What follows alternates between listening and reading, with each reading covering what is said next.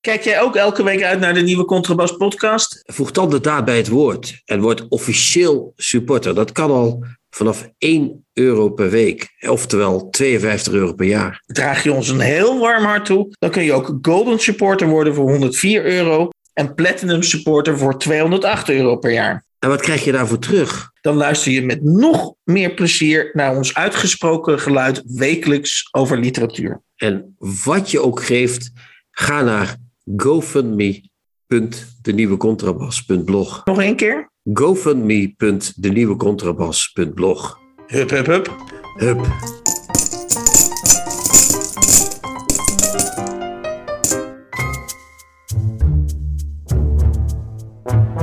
De nieuwe Contrabas. Podcast. Over hedendaagse literatuur en de wereld daaromheen. Met Chrétien Breukers, een elitaire Limburger. En Hans van Willigenburg, zomaar een Zuid-Hollander. Ik weet niet hoe het met jou is, uh, Chrétien, maar uh, ik ben uh, afgelopen week nog even. Heb ik toch wel even een paar dagen een soort, soort naschokken gehad van, van de uitzending met Jonica. Ja, het was een fantastische uitzending, Hans. Ja, toch? Ja, ik, ik, Ja. ik, ik, ik, ik heb mijn, mijn, hele, mijn hele kijk op het jurywezen. Uh, is door, is, is, uh, door Jonica een beetje upside down uh, Ja. gedraaid. Ten eerste zal ze mij nooit meer verlaten vanwege de uitspraak dat het niet om de zes beste boeken gaat bij. het is de- geen top 6. het is geen top 6, maar dat het is, zal ik het is ook, zeg maar ja. een dwarsdoorsnede. hè, Dat, dat, eh, ik geloof dat ik haar letterlijk citeer. Dat, dat die zes een dwarsdoorsnede zijn van de Nederlandse literatuur. Dus eh, daar, ben ik, eh, daar ben ik al eh, enorm mee geholpen. Of geholpen, maar dat, dat heeft mijn visie enorm veranderd. En ten tweede zal ik nu vanaf nu moeten leven met het feit dat ik Auke Hulst. Dus jullie hadden allebei de, uiteindelijk de terechte winnaar, de, de daadwerkelijke winnaar. Mhm. hadden jullie voorspeld. En ik ging, voor, de, voor de luisteraars die zich dat nog herinneren, ik ging voor eh, de Mitsukoshi Troost Baby Company van Auke Huls. Maar dat kwam mij te staan op het commentaar van, eh, van Jonica, dat het toch wel een hele ouderwetse relatie eh, was, die eh, liefdesrelatie die in Ja. die roman werd En, geschetst. en ik trad daar, daar ook in bij, Hans. Zoals je ja, jij was het met haar eens. Dus, Ja, ik vind, het een, een- een- ik vind ja, dat ouderwetse zit er zeker in. En wat Auke ook heeft, is Auke is echt zo'n ploeger. een ploegboek. Is het. het is een boek dat de hele tijd lekker zwaar werken de hele tijd. Ja. Ik niet van. Ja, maar jij, jij was eerst, jij was, eh, jij was ooit, was jij heel positief over boeken die worstelen. Nou, als er ergens een worstelend boek is, dan is het wel van Auke Huls. En dan, dan, dan zeg je niet worstelen, maar ploegen. Ja, maar er zijn twee verschillende dingen. Kijk, Wormaan van Heidman is ook een eh, boek waarin ze met een thema geworsteld heeft. Met een aantal thema's zelfs. Mhm. Eh, en het boek van Auke Hulst is een boek waarin je ziet dat hij echt met. Dat hij lekker veel moeite heeft willen doen, weet je wel. Dat is niet zozeer dat hij ermee geworsteld heeft, maar dat hij zichzelf, dat hij de lat nog een beetje hoger legde. En eh, kijk mama, ik kan ook over 1,95 meter, maar ook over 1,96. En op een gegeven moment denk ik, ja joh, je kunt hoog. Nou, prima. Maar waarom moet dat altijd? Snap je wat ik bedoel? Een beetje in het verschil, of niet? Ja. Nou ja, goed. Het grote nieuws is natuurlijk niet dat we nu gaan herkauwen. Maar het grote nieuws is dat mensen ook volgend jaar natuurlijk, als het goed is, eh, weer naar de Libris Open eh, kunnen luisteren. En dat we dan opnieuw met Jonica, want ze heeft daarvoor toegezegd, opnieuw met Jonica de zes boeken van, eh, van de Libris Literatuurprijs gaan eh, Het bespreken. is voor de winnaar fijner, dan is hij al een paar dagen uit de zorg. Hè? Dat, is, dat is gewoon beter. Ja. Ja. ja. Dan, we zijn, we zijn goed bezig, Hans. Ja. Ja, goed, we zijn, oh, oh, man, we zijn zo goed bezig. Dan kan, ik- kan ik natuurlijk niet, is alweer eergisteren, als ik het goed uitreken, eh, Jeroen Brouwer is overleden. En jij bent eh, eh, volgens mij een brouweriaan. Ja, ik was altijd een groot brouweriaan, nog steeds wel. Ik heb, ik heb voor het, Jan, ik zal je iets bekennen, Hans. Ik, ben, ik heb voor het eerst een schrijver die ik nooit ontmoet heb, om de dood daarvan heb ik gehuild. Nou, jij weer.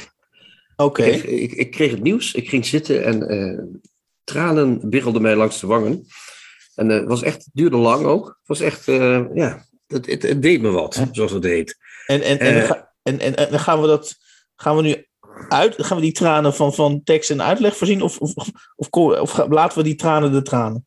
Nou ja, eh, tekst en uitleg zou zijn dat, kijk, Brouwers is natuurlijk zo'n schrijver die er altijd geweest is. Voor mensen van onze generatie. Ja. Hè, vanaf eh, begin jaren zeventig eigenlijk, eh, toen wij nog niet eens echt literatuur lazen, toen was hij er al. Mhm. Toen wij literatuur begonnen te lezen, was hij in het, op, stond hij in het zenith van zijn roem. Hè? Toen was hij zeer beroemd, dat weet je ook nog wel. Hè? Met die polemieken en die romans, de Indië-romans. Uh, Zonsopgangen boven zee, dat was. Uh, ja, is dat zo? Ik, ik, voor mijn gevoel is die met die. Uh, is die maar ik ben geen brouweriaan, dus ik ben minder goed op de hoogte. Maar voor mij, gevoelsmatig is hij voor mij pas later doorgebroken. Nou ja, Zonker Rood is al van 81, hè? toen werd hij toch wel behoorlijk beroemd mee. Okay, ja. Hij had die polemieken tegen de revisor en tegen de jongetjesliteratuur van Guus Luiters en zo. Trouwens, mensen die allemaal nog steeds schrijven, wat niet terecht is. hij had die, die, die Vlaamse polemieken. En dat was allemaal eind jaren zeventig al. Hè? Dus toen begon hij zich aardig al uh, te roeren, zeg maar. Het was, hij was niet uh, uit het nieuws uh, te branden. Met, met die latere romans kreeg hij een groter publiek. Ironisch genoeg, met slechtere romans dan die eerste romans. kreeg, daar kreeg hij eindelijk een groot publiek mee. Dus en, en, voor een, mensen die, die, die zijn oeuvre minder goed kennen, wat zijn, tot waar lopen zijn, jouw zin zijn vroegere romans, tot en met Bezonken Rood? Nou, misschien moet ik eerst iets over Brouwers zelf dan zeggen. Dat is natuurlijk, hè, hij is, hij, hij is dat werd ook al in al die uh, in memoriam gezegd, een meer dan vijf decennia omspannend uh, oeuvre, bla bla bla. Je kent het wel, journalistenproza, Hans, met alle respect verder.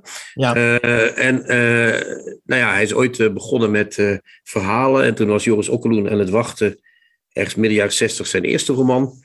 Toen Zonsopgangen boven zee, wat ik net noemde, 77. Dat was zijn eerste voorzichtige maar doorbraak in Nederland. Maar ga je nu allemaal chronologisch met ons doornemen? Nee, maar, maar, maar, volgens mij lopen zijn eerste romans tot en met De Zonvloed, 88, 1988. Oké. En daarna werden die romans wat minder, maar bleef hij als essayist en polemist natuurlijk nog steeds heel goed. En soms ook echt heel scherp en heel bijtend.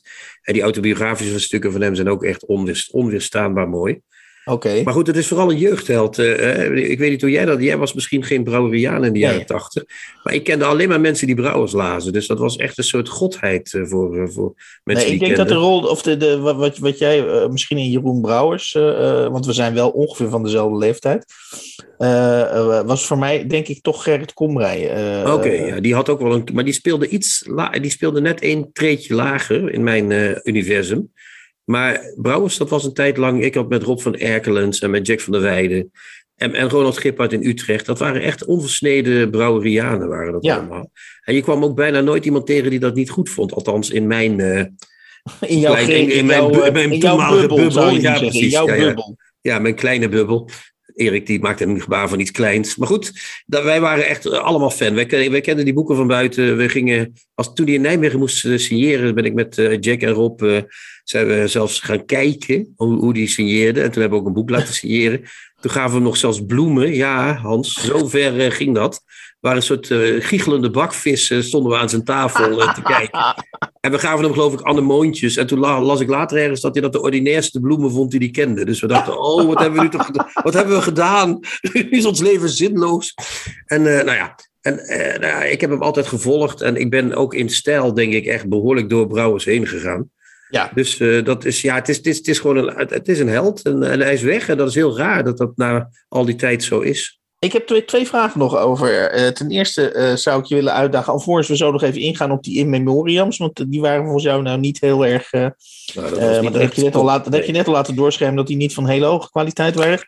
Maar jongere mensen die naar onze podcast luisteren, die dus misschien veel minder kennis van brouwers hebben, uh, zou je die met een paar kloeke zinnen nog aan brouwers kunnen krijgen en waarom ze dat moeten lezen?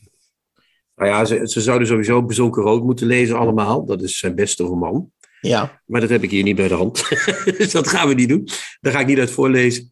Maar, maar waarom, waarom zouden ze die... Ja, het is dus een beste roman, maar even een korte... korte waar gaat het over? Dat is een, een roman, een, een van de Indie-romans. Dat is het Verzonken, Bezonken Rood en de Zonvloed. Allemaal met de zon in de titel. Dat uh, boek gaat over. dan kijkt hij terug op de dood van zijn moeder. Die gaat dan dood. En met zijn moeder heeft hij in het Jappenkamp gezeten. Jongens onder de tien zaten in het vrouwenkamp. In Chideng heeft hij gezeten. Dus de dood van zijn moeder uh, roept al die uh, jeugdherinneringen uit het kamp op. En dat doet hij op een werkelijk. Hij neemt op een fantastische manier afscheid van die moeder van wie hij gehouden heeft. Maar de liefde in, het, in dat kamp houdt die liefde op een of andere manier op als hij ziet hoe zij mishandeld wordt door de, Jap, door de Japanner. Ja. Dus um, ja, dat is echt een ontroerend, indrukwekkend boek. Ja, 120 bladzijden of zo, maar echt indrukwekkend. Maar hij is ook erg goed in het. In, in, in, uh, in, uh, even de eerste, de eerste, het eerste boek wat ik van hem las was Zonder trommels en trompetten. Dat leende ik uit de biep. Dat is een novelle van hem. Dat heb ik dus geleend, waarschijnlijk omdat het heel dun was. Ik dacht, ik ga eens proberen wat dat, uh, ja. wat dat is met die brouwers. En toen bij die eerste zinnen was ik meteen helemaal ondersteboven. Zal ik dat en die heb je paraat? eerste linie heb ik paraat. Zal ik die eventjes eh, doen? Ja, graag. Te Vossum in Belgisch Brabant, onder de rook van Brussel en evenzeer onder die van Leuven. In ballingschap, alleengelatenheid en afgezonderdheid, terwijl de Sphinx mij weer bespiedt en er wordt geritseld en gekraakt en er ook een zacht, maar aanhoudend hoongelach wordt waargenomen. Het regent, oh, wat regent het. Soms dringt de aanhef van een door de wind gezongen lied dat zwarigheid en drukkende gedachten oproept tot mij door. Kat Karabas, markies van Vossum en aanpalende heerlijkheden, ligt ziek in zijn mandje en kermt. Wat kan ik voor hem doen? Ik voer hem lauwe melk met een lepeltje, maar met kuchjes en boertjes geeft hij het vocht weer op en uren later hangen de draden nog aan zijn snoetje. Hem oppakken of zelfs maar met één vinger aanraken om hem troostend te strelen, berokkent hem verschrikkelijke pijnen. Ik kom ik ik Seffens, zegt de dierendokter uit het naburige dorp. Maar wat heet Seffens? De uren verstrijken. Nou, als je dat leest, wil je toch meteen weten hoe dat allemaal af... Nou, dat het niet goed gaat aflopen lijkt me wel duidelijk. Maar dan wil je wel weten hoe het afloopt. Tenminste, ik wel. Ja, ik was toen wel gegrepen, ja. ja. Ja, ja. Tot slot, jij, jij hebt ook nog even eh, van dienst natuurlijk eh, eh, de, de in memoriams doorgenomen. Daar werd je niet vrolijk van, toch? Nee, niet echt, nee. nee. Het viel me op dat in de trouw Rob Stouten, die noemde sommige romans uit de jaren Rob 80. Schouten bedoel je? Zei ik, wat zei ik dan? Ja, Rob Stouten zei je. Oh ja, ik heb net het boek over Renate Stouten gelezen, dus ik haal Ja. nu echt alles door elkaar. Eh, Rob Schouten die eh, noemde boeken uit de jaren 80 die eigenlijk in de jaren 70 zijn gepubliceerd. En wist zich weer er, eh, zoals altijd, plichtmatig van af te maken met wat bij elkaar gehusselde feitjes. De NOS-site had ook allemaal fouten. en die, die zeiden ook zinnen als... De Vlamingen moesten even aan hem wennen. vind ik altijd zo erg als een journalist dat zegt. Hij kreeg echt een storm van kritiek over zich heen toen hij zijn eerste Vlaanderen-polemiek maakte. Maar nee, de Vlamingen moesten even aan hem wennen.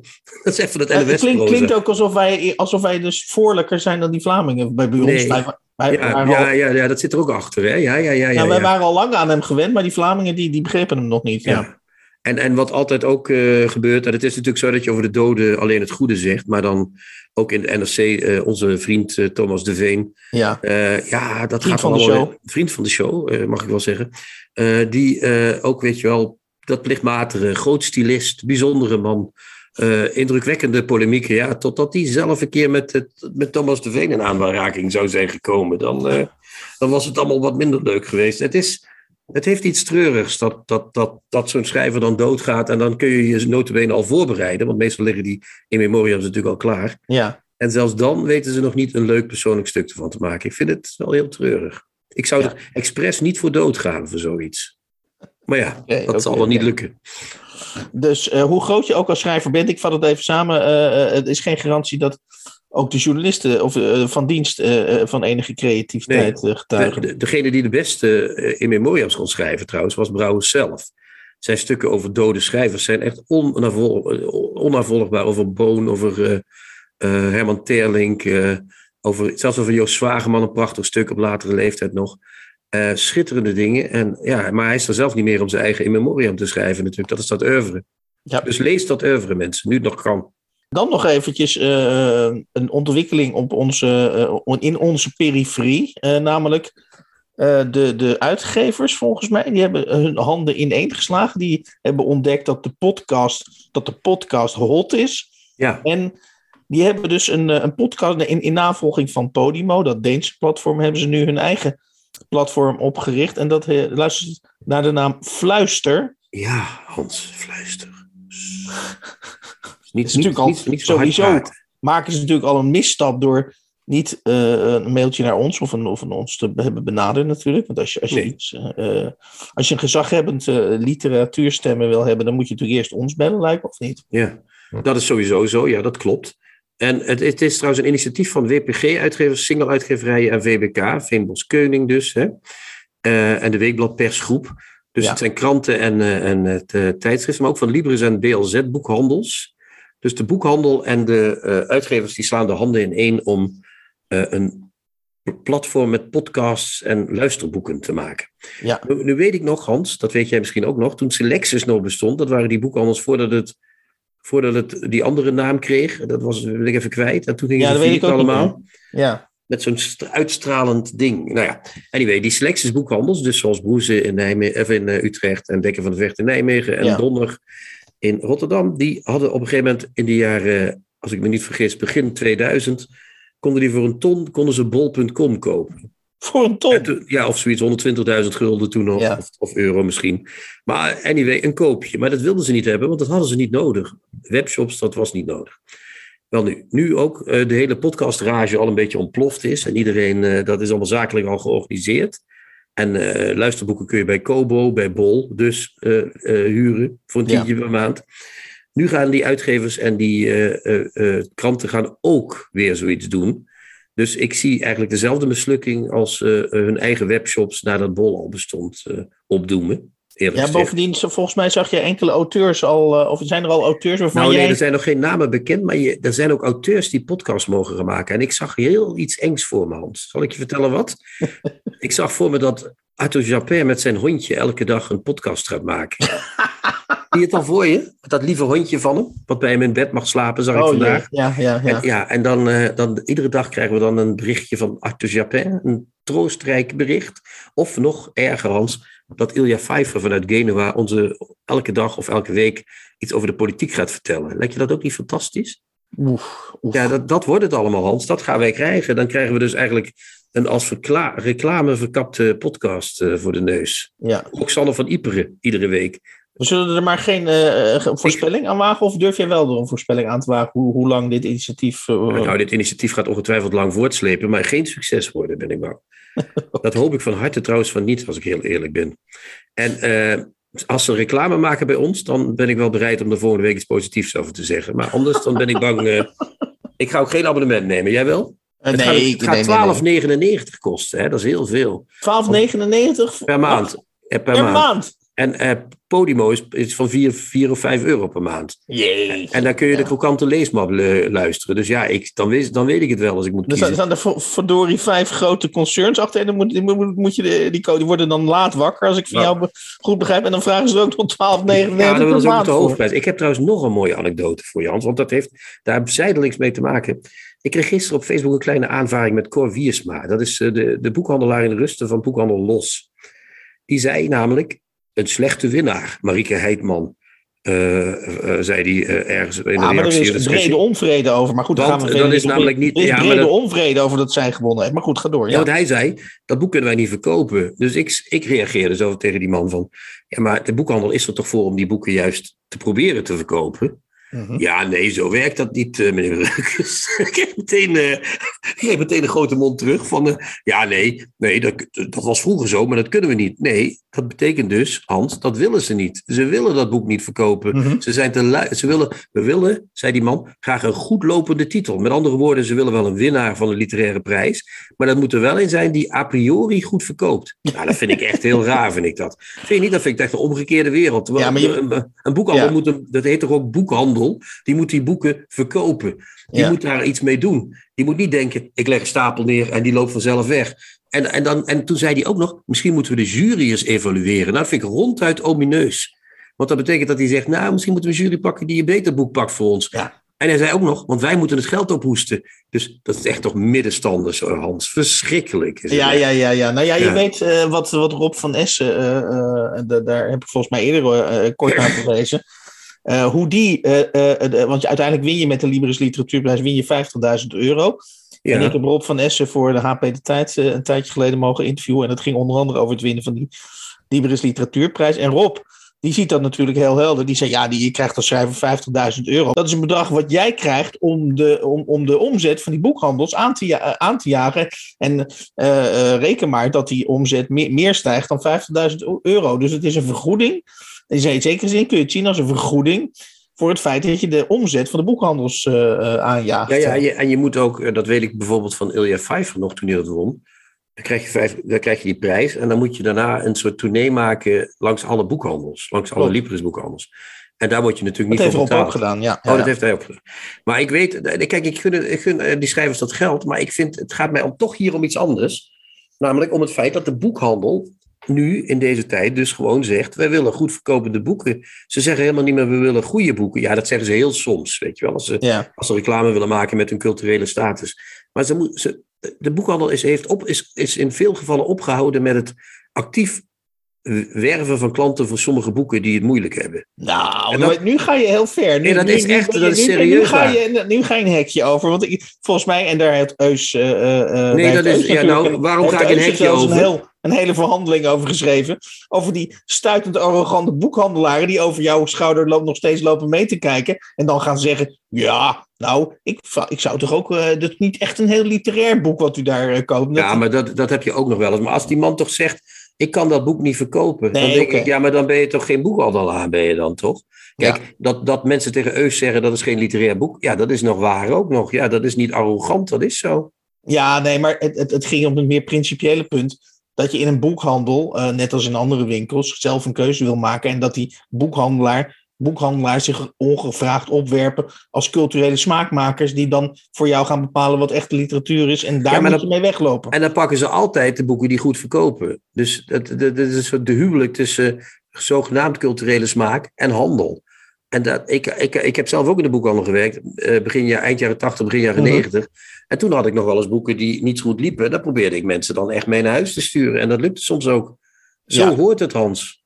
Dus je bent, eh, eh, dus je bent eigenlijk ook een soort halve dominee, eh, CQ smaakbewaker. Als, eh, Ik zou mezelf meer een pastoor noemen, Hans, dan in dit geval. eh. Tips van de week. Boeken, artikelen of pamfletten die boven het maaiveld uitsteken. Dan eh, gaan we, eh, zoals elke week, eh, gaan we onze tanden zetten. Tenminste, dat is het idee. Eh, in twee, ook opnieuw twee boeken. En eh, die twee boeken die we vandaag, voor vandaag geselecteerd hebben, zijn om te beginnen Maggie Nelson.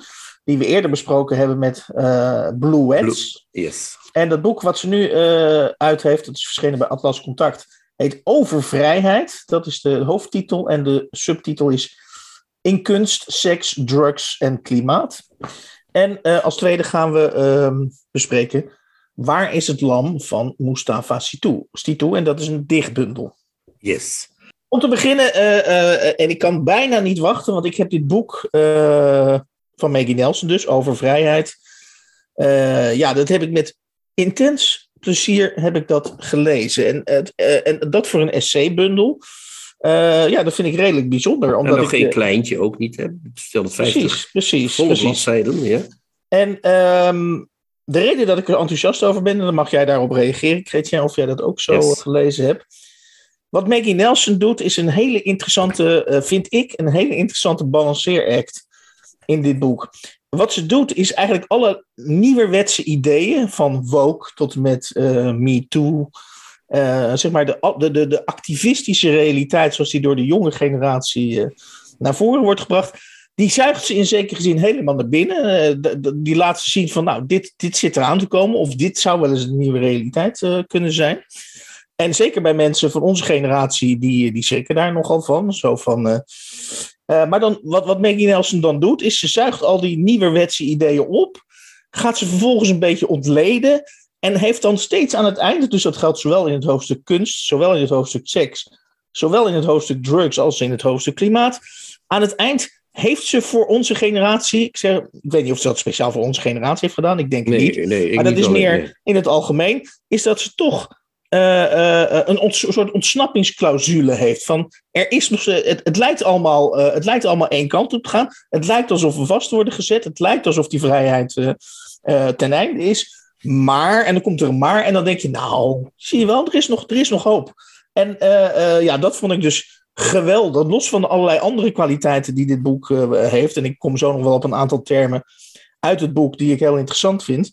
Uh, maar dat vond ik dus uh, uh, machtig interessant en ook spannend aan dit, aan dit boek. Ja, ja het is, het is een, inderdaad een spannend boek, dat zeg je goed.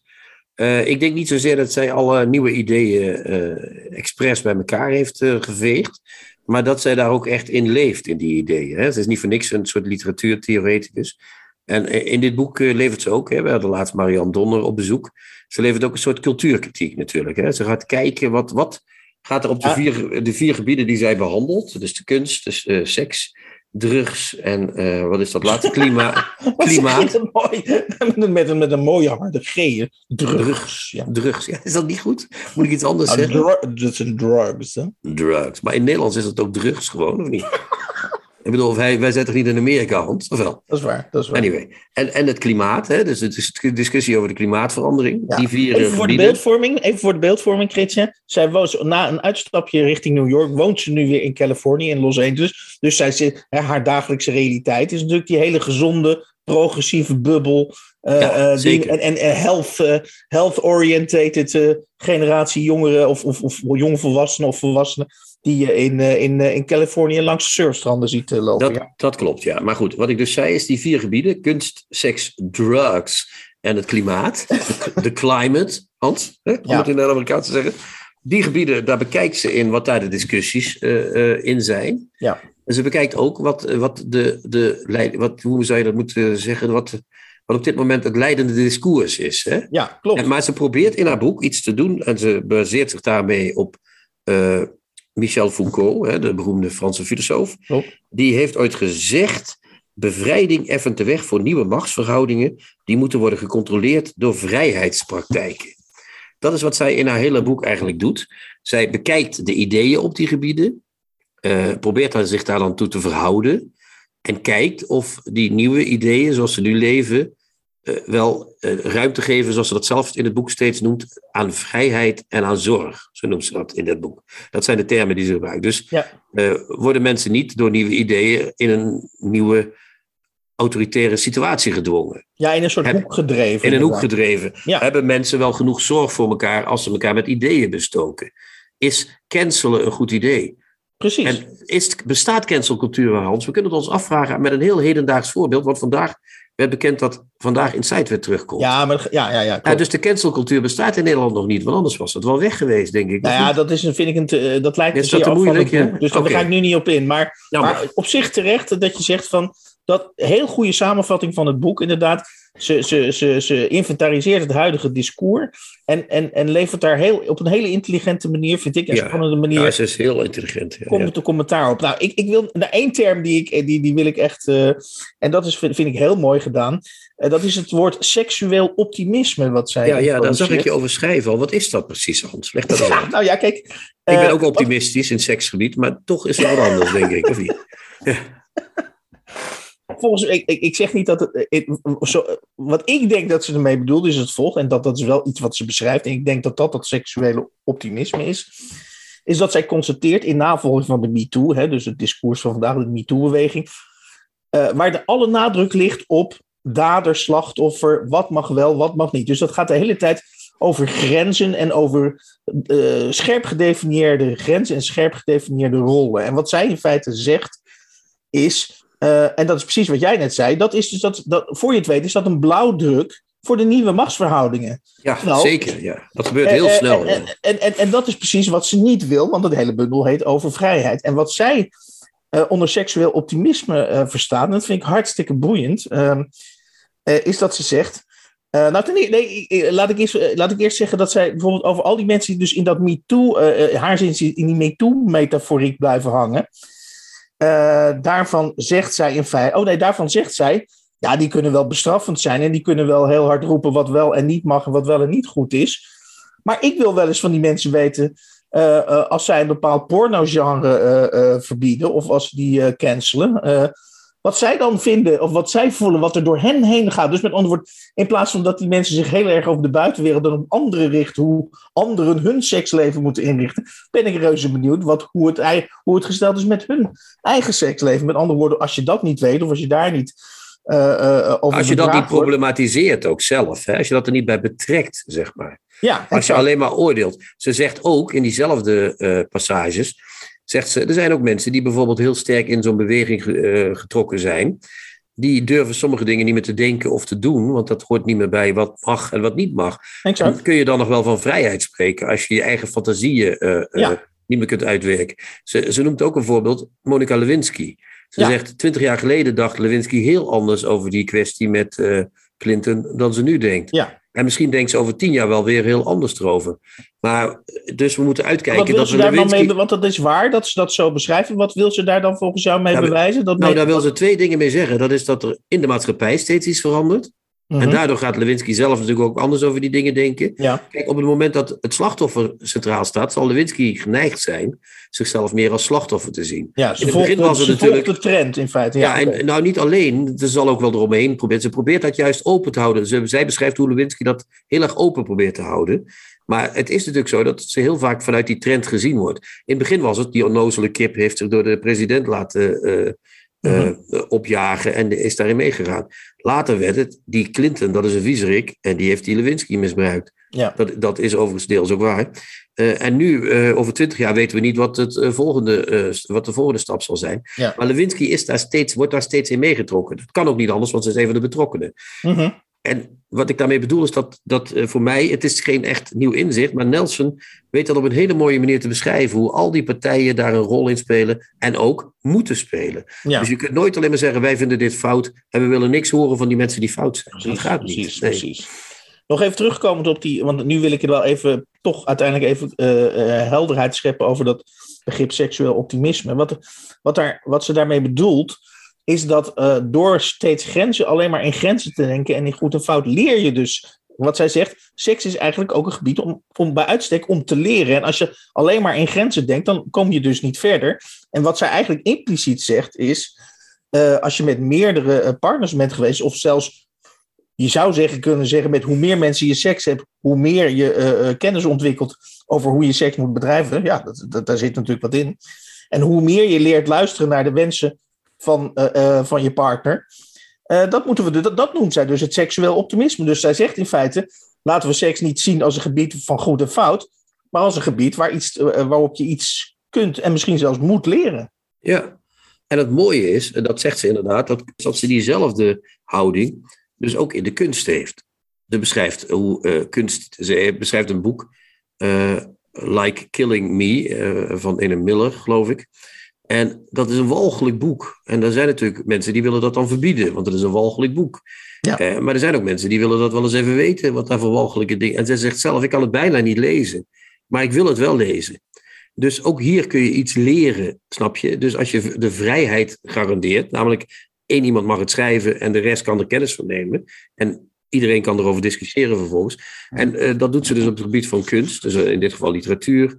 Dat doet ze op het gebied van eh, eh, drugs ook. Je kunt natuurlijk zeggen, je kunt een junkie-discours aanhouden. Je kunt het discours aan- aanhouden van de war on drugs. Eh, je kunt allerlei discoursen aanhouden. Maar je kunt ook kijken, wat hebben die mensen daar precies geleerd met die drugs? Sommige mensen moeten misschien een tijdje aan de drugs om, om, om, om een bepaalde punt te bereiken. Waarop, van Ja. waar ze weer verder kunnen. Ja. Eh, zij, zij beschrijft zelf hoe ze gedronken heeft tot ze echt niet meer wilde drinken. En er ook helemaal mee opgehouden is. Ehm, dat vind ik echt heel, eh, heel interessant. Hetzelfde Ja, met en zij suggereert dus eigenlijk van als je dat niet meer toestaat, of als je die excessen gaat, gaat, eh, eh, gaat afkappen, ja. nou, dan kom je dus ook niet meer tot kennis of inzicht of catharsis. Precies. Nee, dat is dus wat we nu in deze tijd hebben, dat niks meer mag, weet je wel. Je, mag, je moet 18 zijn voordat je mag drinken. Ja. Je mag, zelfs voordat je mag trouwen. Nou ja, dat vind ik dan nog wel iets voor te zeggen. Maar je begrijpt wat ik bedoel. Er zijn Ja. allerlei mitsen en maren ingebouwd in de tijd. Mogen die mensen nog wat leren? Of, of eh, Ja. andere vraag, wat leren ze nog? Ja, Ja, en over kunst eh, eh, wil ik ook nog even ingaan op dat prachtige begrip, want dat heb ik ook even omcirkeld. Orthopedagogische esthetiek heeft ze het over. En, dat, en- en, dat, en volgens haar leven we dus in, of, of tenderen we dus in de 21ste eeuw naar de orthopedagogische esthetiek. En wat bedoelt ze daarmee? Daar bedoelt ze mee dat eh, eh, kunst, eh, in tegenstelling tot de 20ste eeuw, waar de kunstenaar ervan uitging dat eh, degene die naar kunst keek of de museumbezoeker bezoeker, in haar ogen gechoqueerd moesten worden, want wakker geschud. Dus de aanname was, de bezoeker is eigenlijk beperkt of moet, moet door elkaar heen geschud worden of heeft het licht nog niet gezien. ja die moet nog kunst- gesticht worden. Ja, ja, ja. Ja, en via de kunst ga ik, ga ik die injectienaald in dat, in dat brein zetten. En dan gaat het brein, komt het brein tot leven, bij wijze van spreken. Zegt ze, nee, in de 21ste eeuw heeft kunst, en dat, ja, dat kan ik volledig beamen, vind ik ontzettend goed beschreven. Zijn we dus overgegaan naar dat, eh, een hele andere functie. Dus kunst moet niet meer wakker schudden. Nee, kunst moet helen. Hè, dus met andere woorden, eh, er is een soort eh, eh, ideaalpersoon van, jou, van jouzelf, die, die, trauma, die zonder trauma's is. En die kunst heeft als functie jou dichter bij je eigen authentiekere, mooie, eh, fijnere, uh, socialere zelf ja, te brengen. Ja, dat zie je ook terug als je naar het museum gaat natuurlijk, Hans. Ja, als je naar het Stedelijk exact. Museum in Amsterdam gaat, dan struikel je over de bordjes waarin het dat vind ik net zo'n woord als aluminium, waarin het kolonialisme, kolonialisme ja. wordt uitgelegd van die auteur, van die schilders of van die beeldhouwers of van wat dan ook. Um, die kunst moet inderdaad. Nu mag geen enkele museumbezoeker meer gechoqueerd naar buiten gaan. Vroeger was, dat, uh, was je burgerlijk als je gechoqueerd was. En nu uh, ben je uh, in, in shock als je iemand iets verkeerd doet voor jou. Dus er zit een verschil in. Dat klopt. Ja. Maar ze, ze, heeft, ze heeft trouwens ook nog hele mooie dingen over kolonialisme en over racisme. Maar dat zijn toch discussies die hier op een andere manier spelen, heb ik, heb ik het idee, ja. dan in Amerika. Maar goed. Ik heb nog één citaat. Het is een boek, zoals het heet. Ja. ja, ik heb nog één citaat dat ik graag voorlees. Uh, en dat is uh, van pagina 104. En dat gaat dus over het onderwerp waar ik het net over had. Dat, die, die is dat seksuele optimisme. En dan zegt ze op pagina 100, of dan schrijft ze op pagina 104. Seksuele promiscuïteit gaat gepaard met een geheel eigen vorm van intelligentie. Te weinig mensen komen de waarheid hierover aan de weet. Schrijft uh, Doyle, ze citeert dus hier iemand anders. We hoeven geen pleidooi te houden voor promiscuïteit als zodanig om te zien dat het herwaarderen van seks als een mogelijke plek om iets te leren, om kennis te vergaren, een waardevolle aanvulling zou kunnen zijn op, en misschien zelfs een waardevolle vervanging is van, de meer sociaal aanvaardbare manieren van seks, om seks en de rol die men erin speelt te beschrijven. Zonder plekken om te leren kunnen we met geen mogelijkheid uitzoeken wat we werkelijk willen, of waar we wellicht verre van willen blijven. Ja, ja, dat is een fantastisch citaat, inderdaad. Ja, ja, ja. Ik wilde nog iets over het klimaat zeggen, maar misschien moeten we dat uh, voor de lezer laten. Uh, dit is wel een mooi einde. Dat, uh, dat we, we kunnen van dit boek echt iets leren. En niet alleen hoe we promiscu kunnen worden, maar dat leren we niet namelijk. Maar hoe, hoe we kunnen denken. Het is echt een mooi boek om, om de gedachten eens te reorganiseren, toch? Ja, en ik vind heel, wat ik heel ook mooi vind, dat, is dat ze verschillende, dat heb je ook al aangegeven, dat ze verschillende voorbeelden uit haar eigen leven. Uh, dat ze ook laat zien, ik ben ook wel eens wanhopig. Ik denk ook wel eens van, we hebben nog als aarde hoogstens een jaar te gaan. Maar dat ze ook enorm, met dit boek ook, denk ik, strijdt tegen die wanhoopsgedachten. ja, en ze zegt ook dat het, dat het niet erg is als mensen denken dat het nog maar een paar dagen gaat duren. Dan denk ik, ja, dat kan ook, weet je wel. Dat kun je ook denken, ja. Niks mis mee. Nee, nu gaan we naar een lam dat geofferd wordt, Hans. En dat lam dat is, dat, uh, is geschreven door, althans, het boek heet, wacht even, dan ben ik even, het heet Waar is het lam, toch? Ja, het is een nieuwe gedichtenbundel Bundel van, van Mustafa Stitu. Volgens mij is hij al een, een, een, een rijkelijk gelauwerde dichter. Ja, Tempel heet een bundel van hem, weet ik nog. Fantastische dichter. Uh, uh, schrijft niet vaak een bundel, maar is wel altijd helemaal raak als hij wat schrijft. En ik moet zeggen dat ik dit ook weer een fantastisch, om te beginnen, een fantastische bundel vind. Het wordt een uh, positieve aflevering, ben ik bang. Maar uh, uh, ik vind het een fantastisch boek. Jij niet? Of wel? Ja, ik, ik, ik heb zelf als openingsopmerking over deze bundel, en daarna gaan we dan misschien wel, wel wat favoriete gedichten nader belichten. Ja. Um, algemene observatie voor mij is: kraakheldere, kraakheldere poëzie is iets anders dan toegankelijke poëzie. Dat is waar. Nou, dat zeg je heel goed. Kijk, dit bundel, de bundel heet dus Waar is het lam? En het gaat over offerlammen. Hè? Dat is, zeg maar, als je dat, dat is het centrale thema van de bundel. Uh, de vraag is wie is het lam en wie is de offeraar? Hè? Wie, wie brengt het offer en wie ondergaat het? Ja. Het gaat veel over geloof. Mustafa is van, uh, uh, denk ik, van, van islamitische afkomst, of we zeggen dat moslimachtergrond. Ja. het gaat over zijn ouders die wel geloven, hij die niet gelooft. Uh, hij die in de maatschappij uh, als niet-gelovige uh, wordt aangesproken daarop. Op scholen ook een prachtig gedicht. Ja, Mogen we je Mo noemen, dat prachtige gedicht. Ja. Ehm, hij, dus die rollen wisselen. het, gaat, het gaat over het snijvlak van, van, van, van uh, geloven en niet geloven, uh, de-islamiseren of, of afvallig zijn. Uh, ja, ja, ja, en, en, die wereld van de islam. Dus eigenlijk gaat het eigenlijk over die wereld waar we dagelijks heel veel tweets over voorbij zien komen. Maar, dat, maar dat, is het mooie, dat is het mooie van, van de poëzie, is dat hoewel dit onderwerp natuurlijk veel besproken is in de publieke opinie. We hebben net de twintigjarige over geleden moord op Pim Fortuyn, die natuurlijk ook de islam op de agenda heeft gezet. Uh, dus in die zin is het misschien waarschijnlijk volledig toevallig 20 jaar na Pim Fortuyn dat dit uitkomt. Maar het is dus een hyper, hyper, kan ik niet genoeg benadrukken, hyper actueel thema. Maar het mooie van Mustafa Situ is die dat, dat hij dat totaal niet heigerig of nee. op, op, op sensatiebelust behandelt. Wat zei je nou weer? Kraakhelder en toch wat zei uh, nou? Kraakheldere poëzie, wat dit dus is, kraakheldere poëzie, wat, is iets anders dan toegankelijke poëzie. Ja. ja, want het is wel een, een, moeilijke bundel. Hè? Ik heb er in het begin nog even mee geworsteld, voordat ik er ja. helemaal had wat, wat, wat naartoe ging.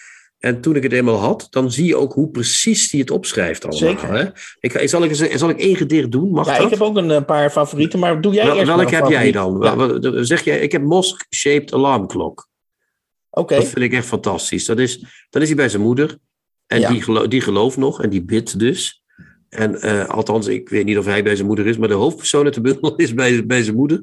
En, uh, dus, en dan staat er mosque-shaped alarm clock. Dus een, uh, een wekker in de vorm van een moskee. Ja. Weer schalt vanuit de minaret, die zich op het dressoir verheft tussen kiekjes van kleinkinderen en het grote scherm van de tv, de stem van de muezzin de woonkamer in. Mechanisch, robotachtig, en maakt een eind aan het gesprek. Ze wordt geroepen om te bidden, trekt zich in een hoek van de kamer stil terug. Engelen, profeten, openbaringen, eeuwigheid. Ze twijfelt niet. Je weet het zeker. Getwijfeld heeft ze nooit. Gebaard heeft ze je, opgevoed, een vreemde zien worden, losgelaten nooit en jij haar evenmin. Ongeduldig blijf je wachten, kinderlijk verongelijkt. Haar onverdeelde aandacht wil je, overtuigd dat dood is dood. Ah, wat je zegt, kraakheldere poëzie. Maar als je het gaat lezen, hè, dat gaat over Ja. een jongen die wil dat zijn moeder niet weg van hem gaat. Mhm. In het algemeen. Maar ook niet dat ze, als ze moet gaan bidden, want dat moet vijf keer per dag, dat ze dan, dat ze dan ook, dan wensen ze zich ook, ze wensen zich ook voor het geloof van hem af. Eh, Echt alles zit erin. Die hele gespletenheid tussen die twee, die toch waanzinnig veel van elkaar houden. Hè? Want dat zegt hij, ze heeft me nooit losgelaten. En, Mhm. maar ze heeft ook nooit getwijfeld aan het geloof. Dus ja, dit, dit- dit- het is fantastisch gewoon. Ik vind het echt een geweldig ontroerend gedicht. Ja, ja ik, eh, ik, ik ga, volgens mij is dat van pagina 16. Het is een titelloos gedicht. eh, Ja. Het gaat als volgt. Eh, ik ga hem iets groter zetten, anders op een telefoon, anders dan kan ik het niet lezen. Nee. Je kunt niet zijn zoals hij.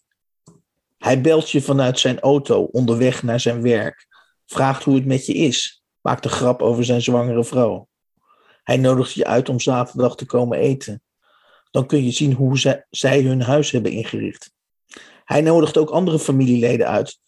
Dan kun jij die ook weer zien. Je kunt niet zijn zoals hij. Maar je kunt ingaan op de uitnodiging. Je kunt ook een grap maken. Dat is precies wat je doet.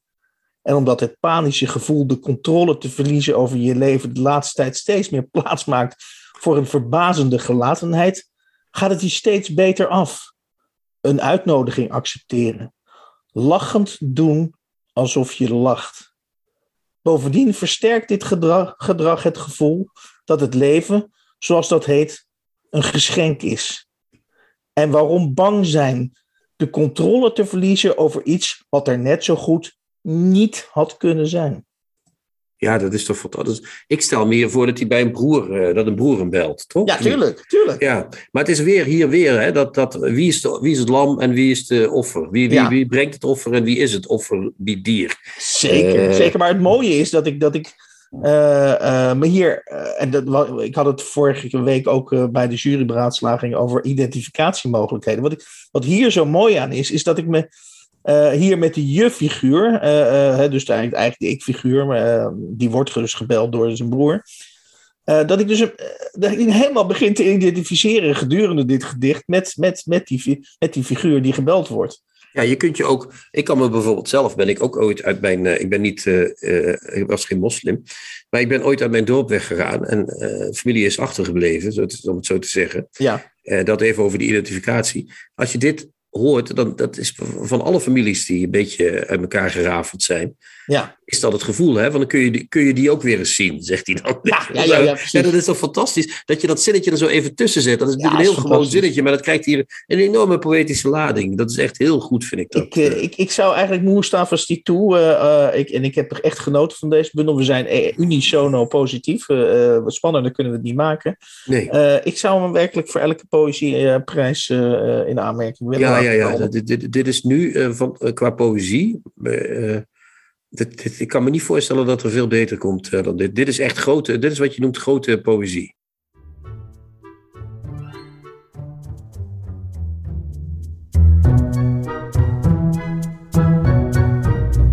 De nieuwe contrabas.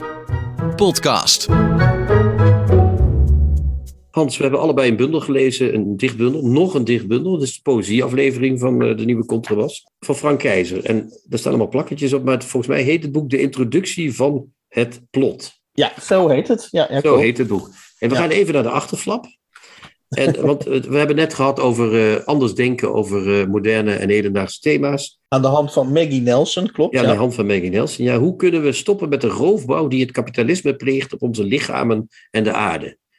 En wat kunnen we leren van elkaar om beter voor onze gedeelde wereld te zorgen? Dus we zitten hier ook in de moderne problematiek, Hans, toch? Of niet? absoluut, absoluut. Nou, Frank Keizer is, uh, staat hier uit 1987. Uh, ik ken hem uit de tijd dat hij bij Perdue werkte. En ik kan, dat is niet een literair argument, maar dat is echt een enorm slecht mens. Ja, dat is natuurlijk niet netjes om dat te zeggen. En het is geen literair argument, nogmaals. Maar het is een enorme gluiper. Waar gaat dit nou heen, joh? Nou dat, gaat erheen. Dat, dat, is, dat is echt een slecht mens. Dat is iemand die eh, tegen jou iets zegt en dan tegen een ander iets anders. Weet je wel? Okay. In de tijd dat ik nog de, contrabas, de oude contrabas beheerde, was hij zo iemand die uh, achter mijn rug om probeerde mensen tegen mij in het harnas te jagen. Echt een slecht, een gluipert. Wat je noemt een gluipert. Oké, maar, maar, laten we, laten we toch... Verrassenderwijs ga je, word je heel positief over deze bundel. Dat weet, ik, dat weet ik nog niet, want we gaan altijd het eerste gedicht lezen, Hans. Dat ja, gaan we ja, doen. En daar beginnen we mee. Dus ik begin. Het begon ermee dat ik een woord zocht voor de weg waarop jij en ik en zij kunnen lopen, niet de startbaan waarop we alleen maar werden voortgejaagd. Dat heb je ook, hè? Heb dat je dat? heb ik ook staan. Dat, zijn de eerste, ja, dat verbaast me niks. Anders zouden we verschillende boeken hebben. Dat zou heel raar zijn. Ja. Maar goed, wat we hier hebben is dus een droog noterende dichter. Die zegt dat hij het begonnen mee dat ik een woord zocht voor de weg waarop jij en ik en zij. Dus zij, ze, hun niet. Jij en ik uh, zoeken samen blijven. Iedereen, jij, ik en, en zij. Ja, ja, ja, ja misschien. Of, of is het dan zij zoals in hun, hen? Bij onbepaalde mensen, men weet het niet. Kunnen lopen, niet de startbaan waarop alleen maar werden voortgejaagd. Ik snap het nog niet helemaal. Daar gaan we dan. Toen ik merkte dat het verschil tussen die wegen was vervaagd, vond ik het later alleen nog in leerboeken. Dus dwong ik mezelf naar andere vermoedens te handelen. Ik ben er nog niet. Ben jij er al?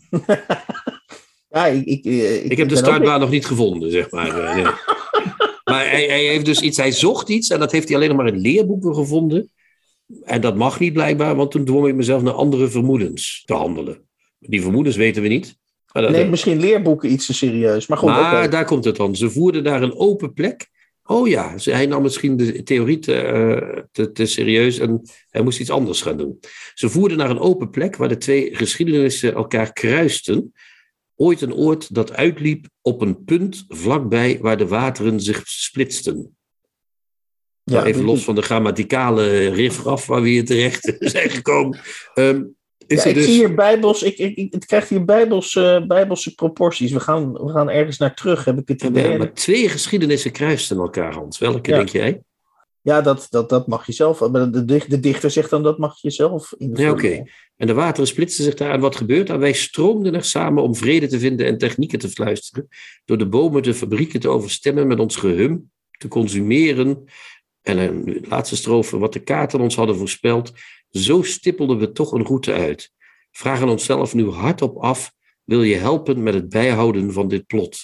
Ah, hij is op zoek naar een plot, Hans. Dat, is, dat zou de titelverklaring wel eens kunnen zijn, denk je niet? Ja. Ja, hij zoekt ik... naar een verhaal dus. Naar het verhaal waarschijnlijk om beter voor elkaar te zorgen. Zou zomaar kunnen. En weet je wat ik hier nou van vind, Hans? Als ik heel eerlijk moet zijn. Daar ben jij voor ingehuurd. Ja, behalve dus dat het een slecht mens is. Dit is nou echt kijk, Maggie Nelson, als je dat leest, dan denk je erover na. Dan denk je, god, dat zit interessant in elkaar. Daar steek ik wat van op. En hier zit je in een heel droog noterend iets. Dat heeft niks met gedichten te maken. Dat is opgeknipt proza. En uh, blijkbaar is die, uh, heeft iemand hem ooit wijs gemaakt dat hij dichter is. Dus hij denkt, als ik die zinnetjes van mij in deze vorm uh, neerzet, dan is het een soort, dan kan ik het dichtbundel noemen. Mm -hmm. En het, het, werkt misschien goed bij mensen die vastzitten in hun discours. Zoals uh, Maggie Nelson ook wel beschrijft. Dat mensen helemaal vastzitten in hun eigen goed doen uh, discours. Uh, maar het werkt bij mij niet. Ik zit even te kijken naar bladzijde 2 en dan denk ik... Ja, Eh, normaal doen we dat eigenlijk even- niet. Hè? Ik zou suggereren, blad- sla, sla je ook even om naar bladzij 8 en dan lijkt het, of wil die suggereren op zijn minst, dat dat gedicht doorloopt. Maar goed, hij, hij breekt... Ja, het zijn er toch twee, hè? ja, het eerst- zijn er wel twee, geloof ik. Ja, maar, dan, maar ja, dan zegt hij, eerst moest ik denken aan het woord voor open plek in het bos, dat ik al zo lang gezocht, tot ik ineens op lichting kwam. Dus dit is een woord dat weinig nodig is, dacht ik plots. Licht stroomde toen heel mooi het gedicht binnen vanuit het tumult van de deeltjes. En de woorden reren zich aaneen in een keten. Bos werd forest. Oh, bos werd forest, werd Ja. forum en klaarte. Ja, dan zitten we dus echt in het politieke manifest, Hans. En wat mij betreft gaat de bundel dan dicht. Toch? ik reageer even heel intuïtief, maar eh, eh, wij stroomden er samen om vrede te vinden en technieken te fluisteren, door de bomen de fabrieken te overstemmen met ons gehum te consumeren. Ja, ik, ik, ik, ik, ik heb het idee dat hij, eh, maar dat, dat, is, dat is meer associatief, dat ik daar, daar heb ik geen bewijzen voor, zoals er bij poëzie meestal geen bewijzen zijn, maar associatief heb ik het idee dat hij hier iets probeert te ontrafelen of een soort alternatief systeem, dat zal dan wel tegen het kapitalisme zijn, eh, dat hij ons hier aan een alternatieve werkelijkheid of een alternatief langzaam, hè, niet in één gedicht, maar langzaam door die hele bundel heen aan een alternatieve werkelijkheid of een alternatief systeem wil. eh, Ja, maar hij kan het niet helpen. opschrijven. Ja, dat, kijk, Lieke Marsman doet dat ook. Die hebben we ook gelezen en dat was Ja. echt fantastisch. Eh, hij doet het ook. Hij, hij, beheer, hij, hij bestrijkt ongeveer hetzelfde gebied. Maar hij, hij schrijft het heel klunzig op. En het, dan wordt het een soort netwerkpoëzie. Ik denk dat het dat ook is. Het is poëzie voor een kleine groep mensen die dit leuk vindt. En dat, daar geeft het tekens aan af van die mensen. Kijk, ik heb het hier en hier over. Maar het doet niks eh, met de gewone lezer, zoals wij zijn.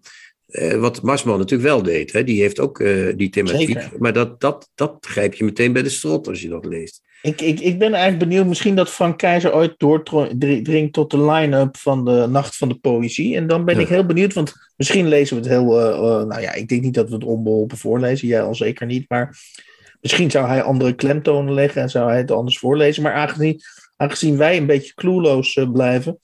en jij terecht zegt van het is een beetje opgeknipt proza. Ja, we doen ons best, Frank Keizer. Ja, ik hoop trouwens ook dat hij bij de Nacht van de Poëzie komt. En dan ga ik voor het eerst naar de Nacht van de Poëzie als betalend bezoeker. En dan ga ik tomaten gooien. Dat lijkt me echt hartstikke leuk, lijkt me dat. Dat, be- dat beloof je hierbij plechtig. Ja. Dat beloof- rotte tomaten. Ik zou, ik zou dat ook even. Ik hoop dat de, de, de organisatie van de Nacht van de Poëzie ook eh, naar de nieuwe Contrabas podcast luistert. Dan eh, kun je dus, als je Frank Keizer uitnodigt bij de volgende editie, dan ben je dus verzekerd van Christian Breukers die tomaten gaat gooien. Ja, dan is het voor het eerst sinds 2011, toen ik er zelf bij was, gebeurt er weer eens.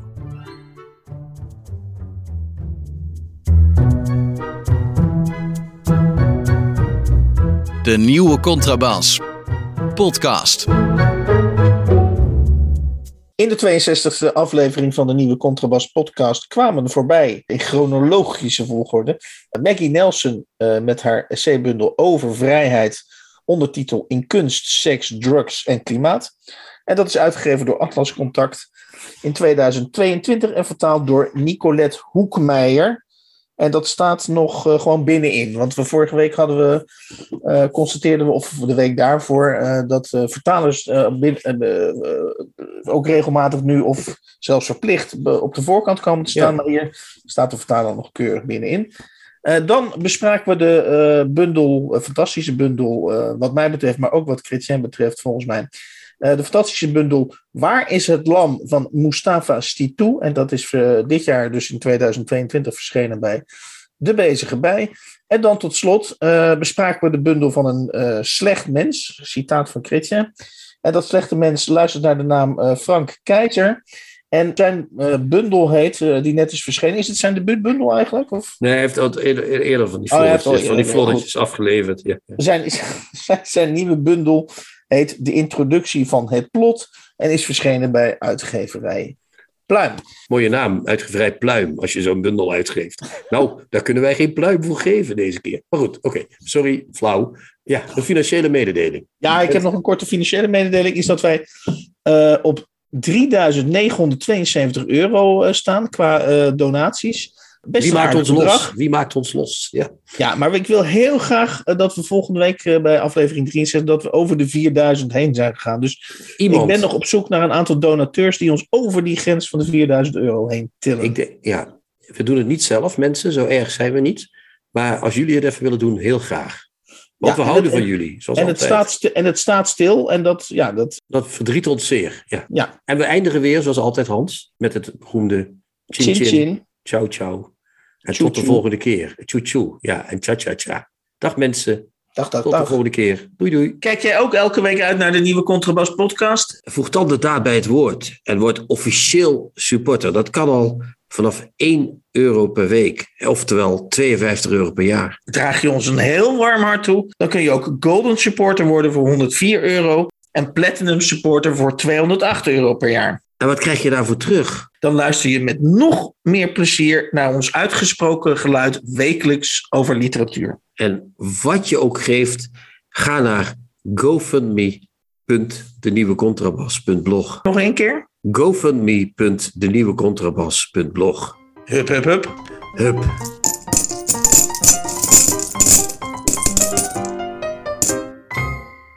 De nieuwe Contrabas podcast wordt gemaakt door Chrétien Breukers, Hans van Willigenburg en Erik Lindenburg.